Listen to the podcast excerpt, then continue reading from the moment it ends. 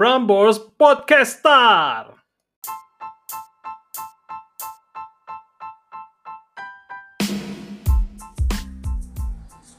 Hey randomers, kamu lagi dengerin podcast random se-Indonesia Raya. Random itu kita, sebab alam semesta sejatinya random. Bersama saya Rio, bakalan menginspirasi kamu beberapa menit ke depan. Asik kan, asik kan? Randomers, tahu nggak bahwa kemarin tanggal 10 Oktober itu kita memperingati Hari Mental Health Day Kali ini Mental Health Day mengangkat tema tentang bundir alias bunuh diri. Semacam awareness atau membuat kita sadar gitu tentang jangan menganggap remeh tentang dorongan seseorang untuk bunuh diri. Ironisnya, baru-baru ini nih seorang artis Korea meninggal bunuh diri. My deepest condolences untuk Suli. Dorongan bunuh diri mungkin nggak bakal berasa banget ya buat orang-orang yang cuma stres atau normal. Malah dibuat bercanda. Misalnya ketika ujian terasa berat banget, duh bunuh diri aja gue apa. Atau ketika harus menghadapi sesuatu yang sulit, duh ini bunuh diri tahu. Ini kayak istilah biasa aja ya buat orang awam yang cuma di tahap normal hingga stres. Sampai akhirnya pada merasa bahwa istilah itu mah kayaknya disepakati oleh seluruh umat manusia di dunia sebagai suatu istilah yang bercandaan aja. Yang semacam metafora. Tapi nggak begitu guys. Nggak.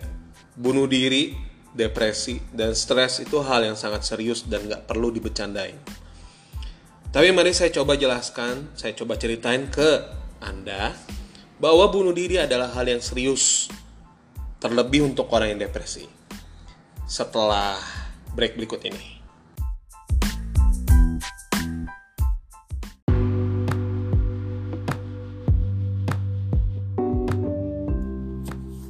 Barangkali ada yang masih nggak tahu ya bedanya depresi dengan stres. Singkatnya, sebenarnya depresi adalah stres yang menahun jadi akumulasi dari stres-stres yang berkepanjangan dan tidak terselesaikan. Maka jadilah fase depresi.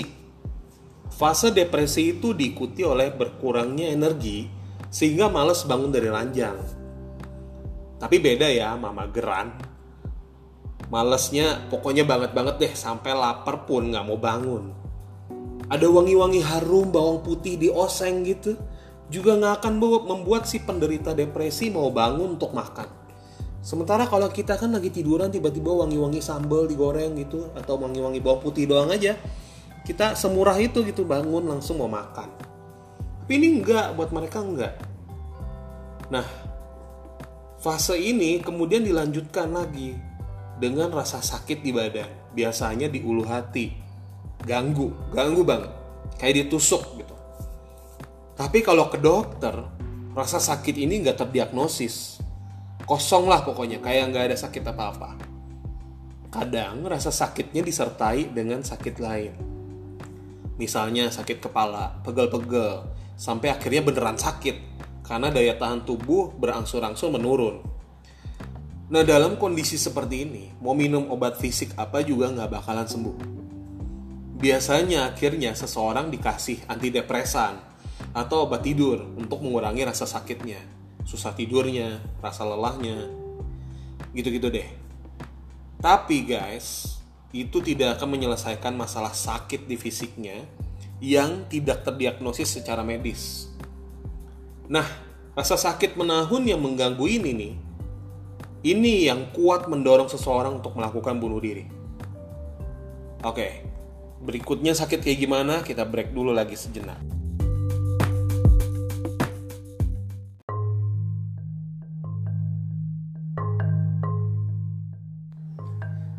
Guys, guys, randomers, yang tadi gue jelasin itu baru rasa sakit di fisik ya guys. Belum beban pikiran yang rasanya seperti kepala berat banget. Pengen nangis tapi udah gak bisa karena udah gak ada lagi air matanya. Kok gak ada air mata? Lebay gitu? Enggak. Karena air mata bisa habis guys. Wow, mind blowing gak sih? Enggak. Semua cairan di badan lama-lama juga bisa habis, makanya diciptakanlah si air ion. Ya, ya jadi simpelnya karena udah nggak ada lagi air matanya. Bukan kayak es teh di warungan gitu ya, yang refillnya cepet. Memang bakal refill, tapi lama. Dalam kondisi begini, seseorang yang depresi bertemulah dengan orang lain yang mungkin depresi juga. Atau mungkin orang yang sembarangan aja nggak tahu apa itu depresi nggak tahu apa itu stres. Dalam kondisi gini akhirnya tuh satu orang ngomong gitu dengan penuh kenegatifannya dalam hidupannya. Misalnya contohnya dia ngomong emang tuh cowok nggak ada yang bisa dipercaya emang brengtut gitu semuanya ya udah lupain aja ini kata-katanya memperparah keadaan bukannya malah ngebangun guys. Dan dikiranya melupakan sesuatu itu kayak tinggal drag file ke trash bin dan delete permanen gitu. Ya nggak semudah itu Bambang. Oke. Beberapa netizen bilang lemah lu. Apalah bilang seseorang yang memutuskan untuk bunuh diri emangnya harus sekuat mereka? Eh film X-Men aja cuma ada satu orang Wolverine yang bisa menyembuhkan diri dengan cepat sebelum keluar anaknya ya. Dan orang sekuat Hulk aja dia dihajar Infinity Stone, hangus juga tangannya. Gak cepet sembuh dia. Coba yang pegang Infinity Stone si Wolverine. Iron Man nggak usah mati coy. Terus mau salahin siapa? Mau salahin Iron Man lemah? Enggak kan? Jangan pernah standarisasi orang lain dengan standar kita sendiri kalau kita sendiri nggak mau dinilai dengan standarnya orang lain. Yuk peka di hari mental death, mental health ini. Yuk kita peka. Peduli dan perhatian sama teman-teman yang emang udah lagi down. Kalau nggak bisa ngomong apa-apa yang baik, nggak ngomong apa pun ke dia juga sudah berbuat baik loh. Dan menunjukkan perhatian. Dengerin doang dia cukup. Daripada ngomong tapi malah memperparah keadaan, ya kan? Eh tapi randomers. Jangan juga lebay menggunakan istilah depresi, apalagi bunuh diri. Kesannya cuma bercanda atau mungkin metafora. Tapi begitu ada film yang serupaan sama kondisi kita yang pernah menggunakan metafora itu. Langsung aja deh merasa senasib seperjuangan dengan quotes-quotes yang teranyar itu. Orang jahat adalah ble sebagaimana kita jangan mendiagnosis gejala sakit kita sendiri dengan Google. Demikian juga jangan mendiagnosis kondisi mental kita dengan Google. Apalagi dengan orang awam. Misalnya sakit kepala, coba aja search di Google. Serem-serem loh nanti hasil searchnya. Sama aja dengan kalau merasakan stres. Please, datengin psikolog. Please datengin psikolog.